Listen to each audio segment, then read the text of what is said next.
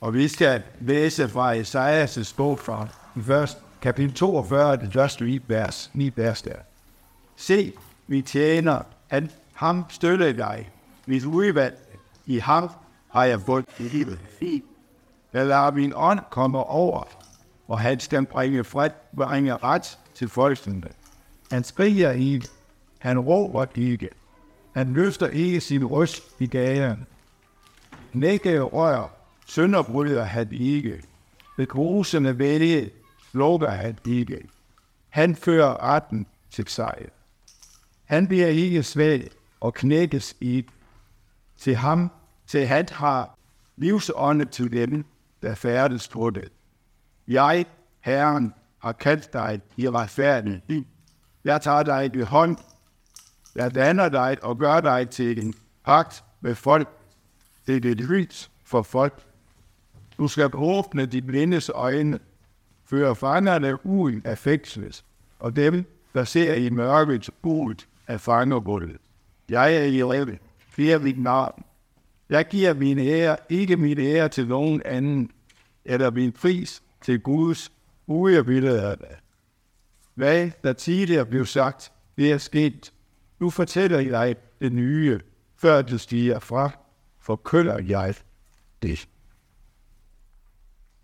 Og vi skal lytte til uh, Lukas evangeliet kapitel 4, hvor der står om Jesus, at han kom også til Nazareth, hvor han var vokset op. På sabbaten gik han efter sædvane ind i synagogen, og han rejste sig for at læse op. Man rakte ham profeten Isaias' bog, og han åbnede den og fandt det sted, hvor der står skrevet, Herrens ånd er over mig, fordi han har salvet mig.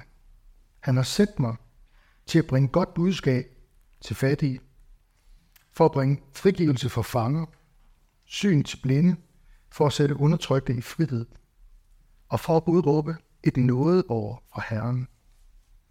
Så lukkede han bogen, gav den til tjeneren og satte sig, og alle i synagogen rettede spændt øjnene mod ham.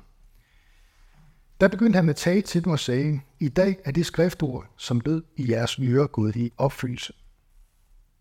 Alle gav de ham deres bifand og undrede sig over de jødefulde ord, som udgik af hans mund. Og de spurgte, er det ikke Josefs søn? Han svarede dem, I vil sikkert bruge denne talemåde mod mig. Læge, led dig selv. Og sige, vi har hørt om alt det, der er sket i Kapernaum. Gør det samme her i din hjemby. Men han sagde, sandelig siger jeg jer, ingen profet er anerkendt i sin hjemby. Og jeg siger jer, som sandt er, der var mange enker i Israel på Elias' tid, dengang himlen var lukket i tre år og seks måneder, så der blev stor hungersnød i hele landet. Og Elias blev ikke sendt til nogen af dem, men til et enke i Sarepta i Sidons land. Og der var mange spedalske i Israel på profeten Elisas tid. Og ingen af dem blev renset, men det blev syren Naaman. Alle synagoger blev ude af sig selv af raseri, da de hørte det. De sprang op, gjorde ham ud af byen og drev ham hen til kanten af det bjerg, deres by var bygget på, for at styre ham ned. Men han banede sig vej imellem dem og gik. Lad os bede sammen. Jesus, vi beder om, at du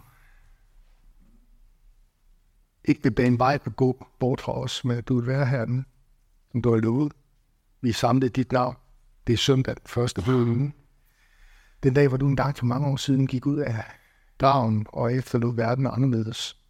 Med håb, med tilgift. Og vi beder om, at øh, det, vi skal lytte til nu, må blive til liv for os. Dit hellige ord ved din ånd. Amen. Um, jeg har taget et billede med af Jesus i uh, synagogen i Nazareth. Det er sådan et, uh, en ikon. I se der, han stiller sig op og, uh, og læser. Og der kan I se, at han læser i en bog, men uh, det han i virkeligheden har læst i, det har været en skriftrulle. Man havde jo det gamle testamentes bøger. Så han har ikke sådan stået og slået op sådan her.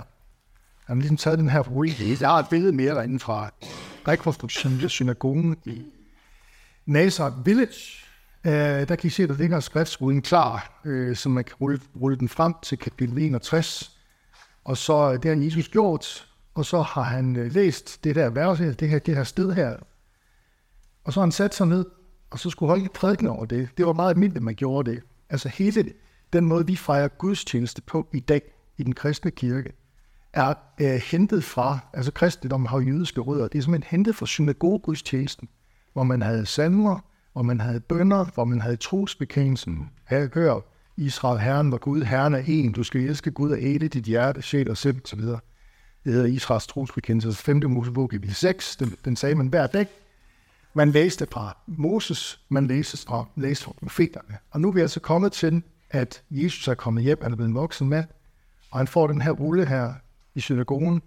Der sidder nogen, øh, det er nok nogle afrikanere på besøg her, kan vi se en rekonstrueret synagoge i Nazareth Village.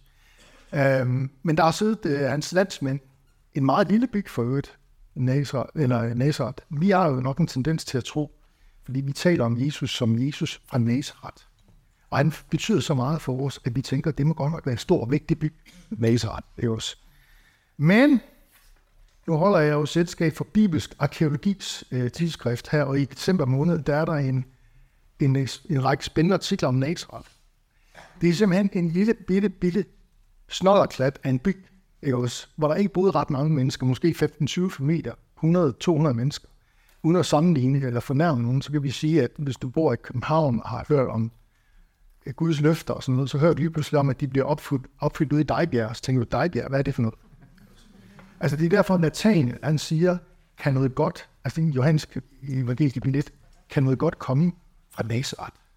Det er ikke, fordi han har noget mod Nazareth, men det er så, fordi det er så en lille en by, ikke også? At det kan Gud da umuligt ligesom bruge til noget. Messias kan jo ikke sådan have rødder der. Der er både 15-20 familier, og de fleste af dem, de er så samlet her i synagogen, for Nazareth var en meget jødisk by. Den lå i Galilea, har jeg taget et øh, billede med os af, af lige frem også der, I kan se lige i sådan kanten af Genesarets sø. Øh, der er fra søbredden Tiberias til Nazareth cirka 20-25 kilometer.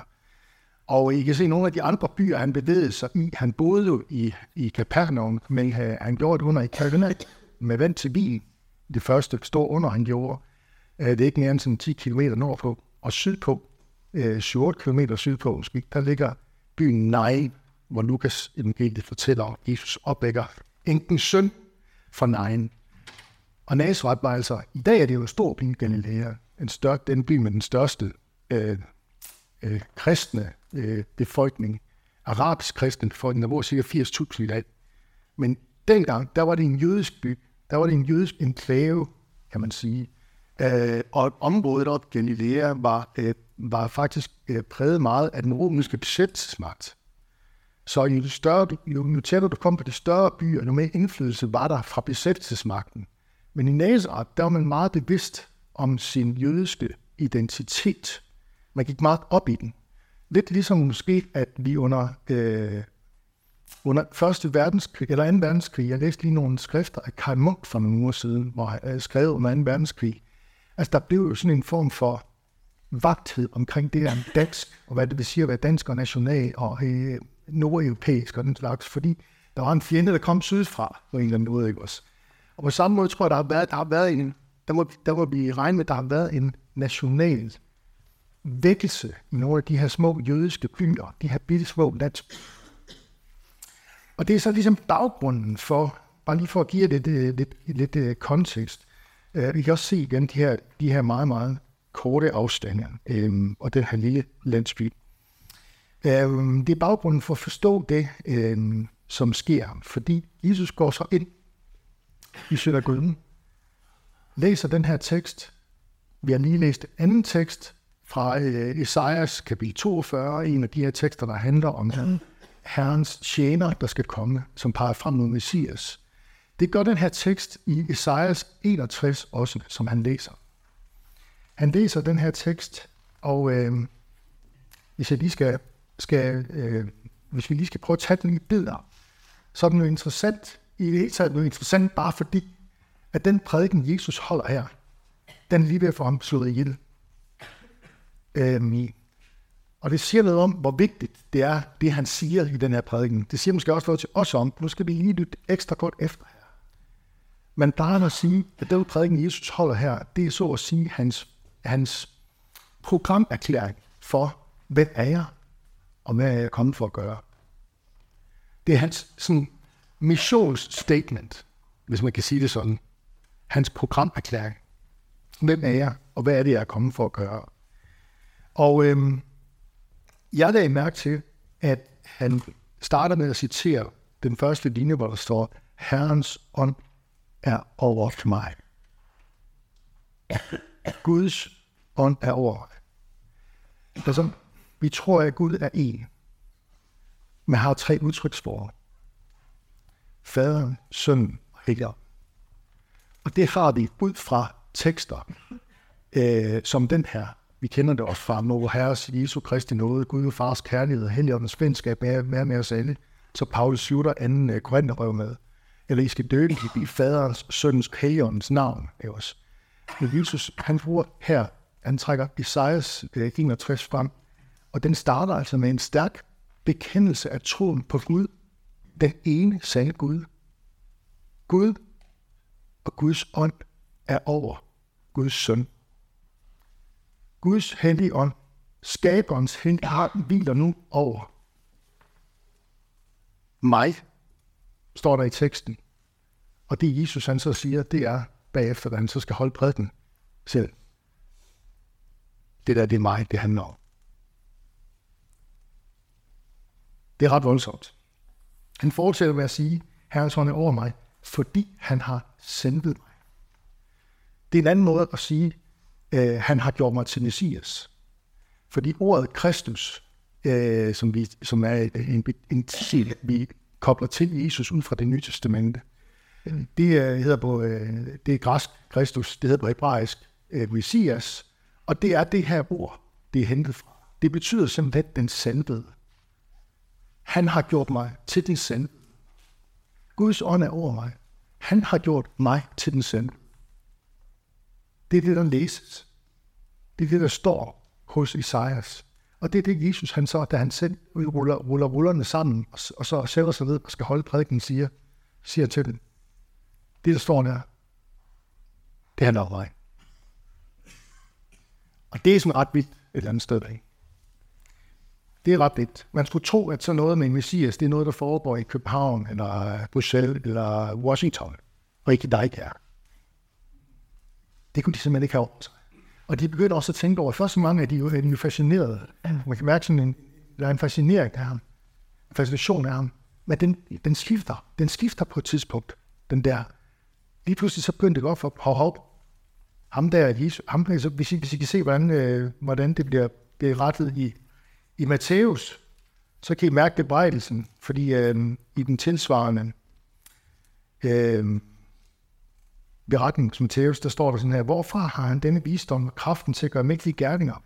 Og så kommer det, er det ikke tømmerens søn? Hedder hans mor ikke Maria og hans brødre Jakob og Josef, Simon og Judas? Bor ikke alle hans søstre her hos os? Hvor har han så alt det fra? Og de blev forarvet på ham, står der. Så stemningen den skifter. Næsten ligesom, næsten ligesom øh, det, der sker senere, øh, med, øh, da han beder ind pandens søndag. Velsignet være han, som kommer i Herrens navn, ikke også? Og så går der en dag eller to eller tre, og så står de samme mennesker og råber, korsfester, krupsfester. Det er sådan en lille forsmag for det, virker det næsten til her. Fordi at Jesus gør sig selv til Messias. Men han fortsætter med at, at læse herfra i Esajas kapitel 61, siger om Gud, han har sendt mig for at bringe godt budskab til fattige. Han kommer med et godt budskab. Han kommer med en, han annoncerer så at sige en, en sejr. Han taler til de fattige. Ja, da jeg læste det her, kom til at tænke på satte prisningerne. Den første satte prisning, hvor Jesus som siger, salig er det fattige i ånden. Altså de mennesker, som ved med sig selv, at de har brug for Guds hjælp i deres liv. Særligt er de fattige i ånden. Det betyder ikke, at de er mindre øh, kloge, at de er enfoldige eller småt begavet. Øh, nej, det betyder de mennesker, som ved, at de har brug for Gud i deres liv.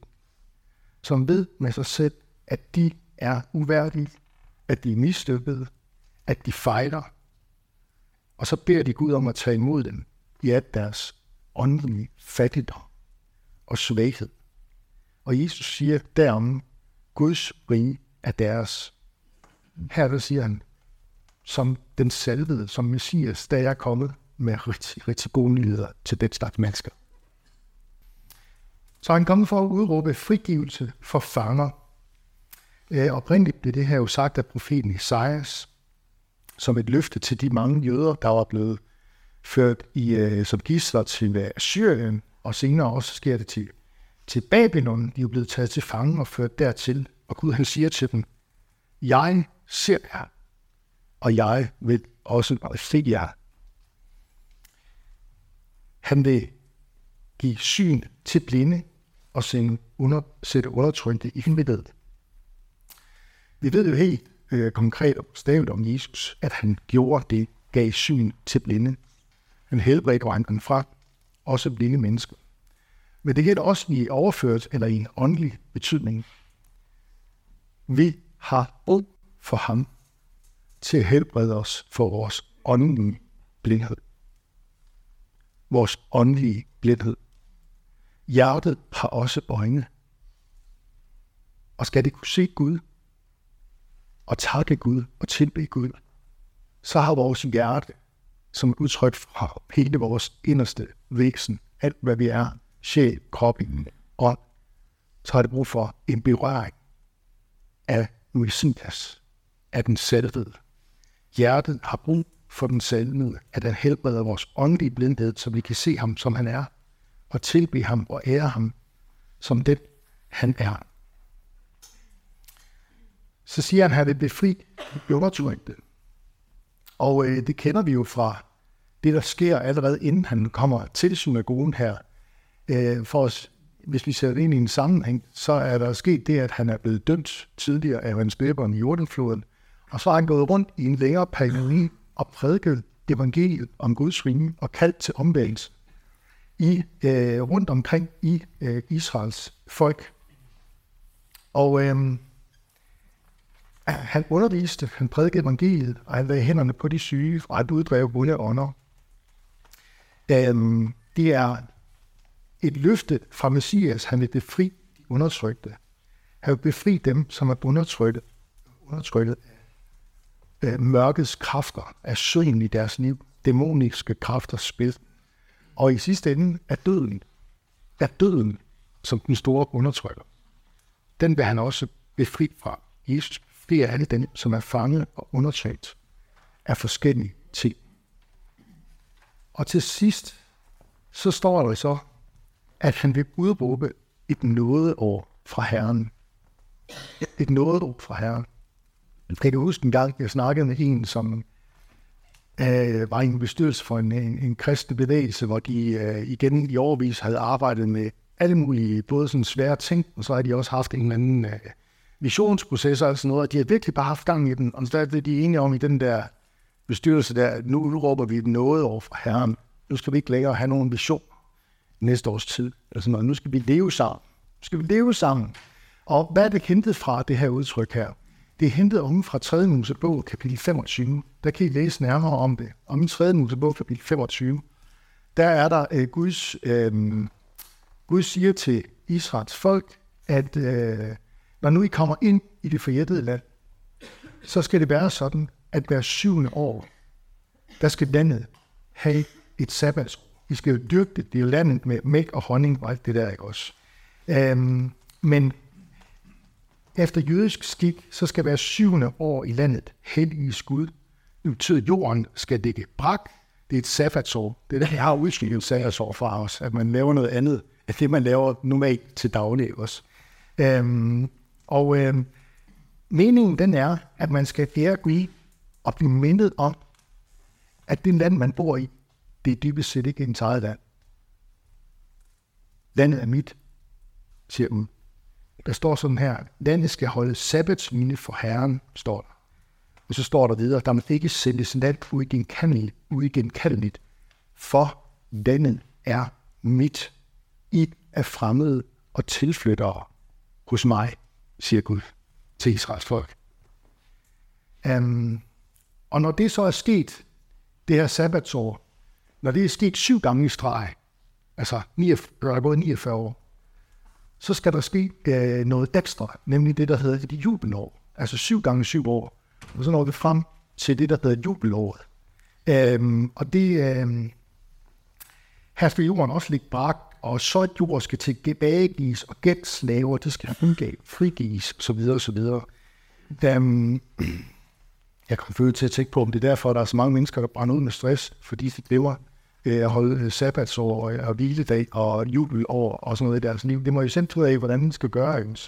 Men jeg tænker, der er en, øh, en god pointe i noget af det der om jubelåret. Det der, hvor man for alvor går i dvale, eller giver tilbage og bliver sat fri, får den jord tilbage, man måske har solgt tidligere. Det bliver ens ejendom igen.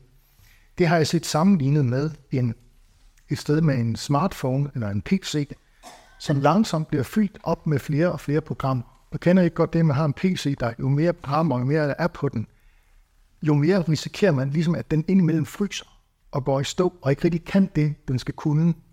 Det er også, der kan opstå fejl, konflikter over tid. Og en af de bedste måder og mest radikale måder at løse de her konflikter på en PC eller en smartphone, det er ved at lave det, der hedder en fabriksnulstilling øh, man formaterer øh, tingene tilbage til de oprindelige fabriksindstillinger, og så indlæser man de gode oplysninger igen forfra. På mange måder så var sådan et sabbatsår og et jubelår, lidt noget over fra Herren, det var sådan en slags gendannelse, hvor vi lige går tilbage til begyndelsen. Hvorfor er det egentlig, vi er Guds folk, og hvad er det for et land, vi bor i, og hvad er det for en Gud, vi tilhører? Så hvert 50 år, der var det meningen, at alle fejl, alle synd, alt det har med synd øh, og fejl og nederlag at gøre, at der var ikke, alt det, der ikke var i overensstemmelse med, med Guds hensigter, det skulle ligesom fjernes, fabriksindstilles på ny, så at Israel kunne starte frisk og forfra. Nu er i hvert fald meningen med det, og idealet med det. Og det bruger Jesus, det billede, til at sige, jeg er den Messias, og det jeg kommer med, det er en ny start. Det er en gendannelse af fabriksindstilling af, hvordan det var meningen, det skulle være fra begyndelsen af. Jeg udråber ikke noget over fra Gud, hvor mennesker kan få lov til at starte forfra og vide, at de skabt af Gud. Men når de ser på mig følger mig, så finder de også ud af, at de bare skabt af Gud, men de er også frelst af Gud. For han kommer og giver sit liv Messias. Det er det, der gør ham så særlig. Og så giver han bogen tilbage og holder den her prædiken. Og de bliver brede, og det skal vi jo lige forholde os til øh, igen her.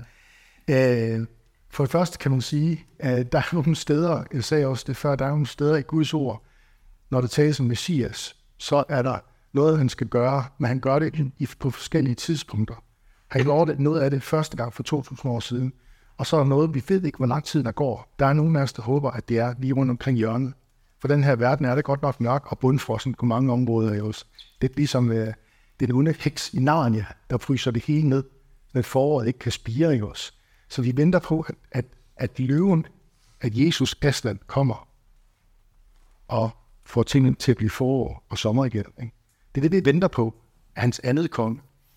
Øh, der var dengang mange, der blev forarvet, for det er faktisk, det er faktisk mange jøder i dag stadigvæk er, som, som har som hovedindbindende imod øh, de kristne. De som kristne har fået at vide og kan se ud fra både det gamle og nye testament, at Jesus som Messias kommer af to omgang. Han opfylder profetierne i to omgang. Første gang som Herrens lidende tjener, hvor han kommer i renhed. Han kommer for syndens skyld, for at gøre op med synden og død under djævlen i menneskenes liv. Og anden gang, der kommer han i herlighed som den sejrende konge, for at opfylde resten af profetierne. Um, og um, kan man ikke se det, og det kunne de heller ikke se dengang i synagogen, så er det endt i en eller anden form for vrede eller raseri. Og det hjælper jo så ikke på det, at Jesus han trækker to episoder frem fra det gamle testamente, fra profeten Elias og Elias' tid. De levede begge to øh, i en periode i bibelhistorien med afbudstyrkelse, med vraglæger, med frafald fra Gud. Øh, ligner på mange måder den vestlige verden i dag, kan man sige. Ikke? en periode, hvor Gud han så har sendt hungersnød ind over Israels folk som straf. Og så siger Jesus øh, til, sin, øh, øh, til folkene der i Nazareth, at han siger til dem, at Elias, dengang det skete, han blev ikke sendt til sultne enker i Israel, men til en sulten kvinde, og Sindan landområdet op nordpå, det der hedder Libanon i dag. Med andre ord, Gud han gav en sulten hedning mad igennem kvinde Elias. Kan I huske det? Eller kan I huske dengang, øh, det skete ikke med mad, men med helbredelse? For der var mange spedalske i Israel på Elisas tid. Men Gud brugte profeten Elisa til at helbrede en kønning, nemlig sygeren Nama. Siger Jesus til dem, kan I huske det? Det er jo udtryk for, at Israels Gud er hele verdens Gud. Han har omsorg for alle mennesker, for han er alle folks skaber. Han er alle folkeslagets skaber og frelser. Han er Israels Gud, ja. Jeg er først og fremmest kommet for de fortabte for for Israels hus. Men med det her, der viser han, at evangeliet, det er jo ikke noget, der gælder dem. De kan ikke have Gud for sig selv. Ligesom vi heller ikke kan have det. Hvis vi vil have Gud for os selv, og ikke dele ham med andre, ikke være en taknemmelig kirke i mission, så risikerer vi, at Jesus baner vej og går.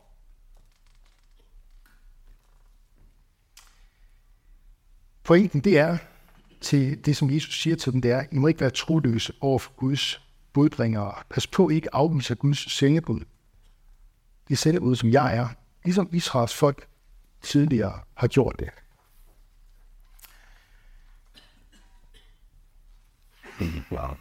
Ja. Lad mig lige slutte igen med det her billede her, som kom til mig, da det begyndte at sne. Og jeg blev mindet om det, fordi jeg læste en artikel om en, der har været og fortælle om C.S. Lewis. Jeg blev bare mindet, altså det er bare utrolig narniagtigt udvikling uden for den lokale kvick og det. Altså I kender godt filmen, eller har læst bøgerne af også. Og øhm, jeg kan huske den fra, øh, fra da jeg var barn. Det her det er den, den nyeste filmudgave, ikke også? Øhm, Løven, Hekset og Garderobeskabet så er du endelig for at få læst den med jeres børn og børnebørn, mens der ligger jo sne udenfor. Øhm, om den onde heks, der holder sommeren tilbage i et ondt vinterlandskab, der aldrig går køre. Jeg er helt med på, at det er dejligt derude nu. Men tænk, hvis det var så mørkt og koldt hele tiden, og det blev, det blev endnu mere mørkt, og endnu mere koldt, og der ikke var noget forår forude. Det er ligesom øh, det, der ligger i det. Et konstant mørke, en tiltagende kulde. Og i, i, i Narnia, der er det et billede på øh, at foråret og vinteren er i kamp med hinanden, som et billede på kampen mellem det gode og det onde. Og øh, noget tyder også på, at den verden, vi lever i, er i en dyb vinter og dyb mørke lige for tiden. Og hvor har vi dog brug for, at Jesus viser sig som det, han siger, han er. Er det ikke sandt? Har vi dog brug for det? Um, det er på anden, måde, på anden mulige måder november eller december i øjeblikket. Altså på den, på den dårlige måde, og på den mørke og kolde måde. Uh, I Narnia, der har den hvide heks forbudt folk overhovedet at nævne Aslans navn, løven, som, som er et billede på, på en messias. Til gengæld lokker børnene og de voksne med sin øh, lækre Turkish Delight konfekt. Kan I huske den? Ja. Og øh, ham der Edmund, han ender med at tage det, og øh, og ligesom blive filtret ind i hendes spil. Og det, der så sker til sidst, det er, at nu har taget et billede mere med. Øh, jeg kan huske det jo fra dengang, det var en tegnefilm. Jeg kan huske som barn, da jeg så den der tegnefilm første gang. Jeg ved ikke, om det er derfra. Men det her med, at øh, oplevelsen en form for forkyndelse af, at vi når helt ind til kernen af, hvad kristendommen er. Øh, hvor C.S. Lewis han peger på løven Aslan, der offrer sig selv for at redde forræderen Edmund, der sidder fast i det der spind, den hvide heks, den onde hvide heks, spind, mørke og kulde. Og på den måde, der viste Jesus os jo sin sande natur øh, på korset, da han tilgav sine fjender ved at give sit liv, i stedet for bare at sæbe fjenderne ned. Tænk, hvis han havde gjort det. Han gav sit liv i stedet for. Så det var bare en, øh, en opfordring til, at også i, i den tid, jeg er ikke i nu, måske at få øh, taget den, øh, øh, eventyrfortælling, som på en stærk måde øh, forkynder, hvem Jesus han er, at han er enestående, og at han i sandhed er Guds søn og verdens frelser. Husk på det, når vi om et øjeblik skal give ham vores tak og lovsynge ham, og øh, synge til hans ære. Lad os bede sammen. Jesus, vi tager dig fordi at vi må få lov til at tro, at det er sandt, for du siger om dig selv, at Guds ånd er over dig, og det er sandhed til at være Messias, den som er sendt med godt budskab til fattige mennesker, fattige i ånden, den som er sendt for at udråbe frigivelse for fanger, for at helbrede, for at give syg til blinde. Kom også og helbred os vores åndelige blindhed, så vi ser, hvem du er, Jesus, og glæder os over det, og tager det med videre i vores liv. Tak fordi du er kommet for at sætte undertrykte i frihed.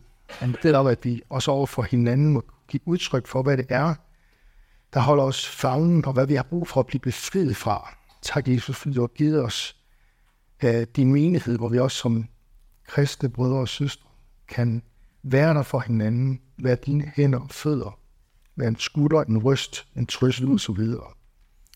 Vi tager dig for det fællesskab, du har sat os i omkring gudstjenesten. Tak fordi du også, når vi mødes her søndag efter søndag, udråber din nåde over os, udråber din nåde over vores liv, og vores menighed, og vores familie og slægt. Vi beder om, Jesus, at du må blive kendt, troet, elsket og efterfuldt i Skærmby og omegn. Vi beder for menigheden her, for menighedens børn, både de fødte og ufødte. Vi skærm dem, for lad dem få lov at vokse op og tro dig, Jesus. Vi beder for Nation Fogh, menighedens vejleder, og velsigne ham i hans tjeneste. Så beder vi om, at du vil være nær hos alle dem, der er ramt af de her ting. Af fattigdom, af fangenskab, af sygdom, af undertrykkelse osv. Vær nær hos dem, der er ramt af sorg, sygdom og lidelse. Og giv os mod til at være til stede og visdom til at lindre smerten hos hinanden.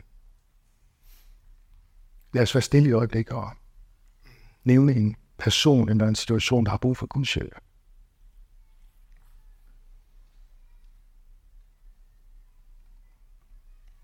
Det er derfor de folk og lande, hvor krig ved Arslan, hvor ledelsen hober sig op. Trøst de sørge, helt de sårede, befri de bortførte, beskynd de skyldige og væveløse, og lad de skyldige og ansvarlige stå til regnskab. Lad der komme fred mellem mennesker og folk, og lad mennesker finde fred i dig, Jesus. Vi beder om, at evangeliets lys må skinne den, den her verdens muslimer, så de omvender sig og lærer dig at kende som den eneste sande Gud. Vi beder dig for de jødiske folk, for fred i Jerusalem. Vi beder om, at du udgiver nåden, så bønden så over dem, som du har lovet. Og lad den tage imod dig som Messias i klæde. Vi beder om, at de gode nyheder om dig er der må få fremgang i Danmark, i vores hjerter og i vores folks hjerte. Vi beder for alle, der er blevet betroet magt og autoritet den her verden. Hjælp os, hjælp dem til at værne hinanden mod uret og vold. Kom så snart. Er der alting nyt? Det beder vi om i dit navn. Amen.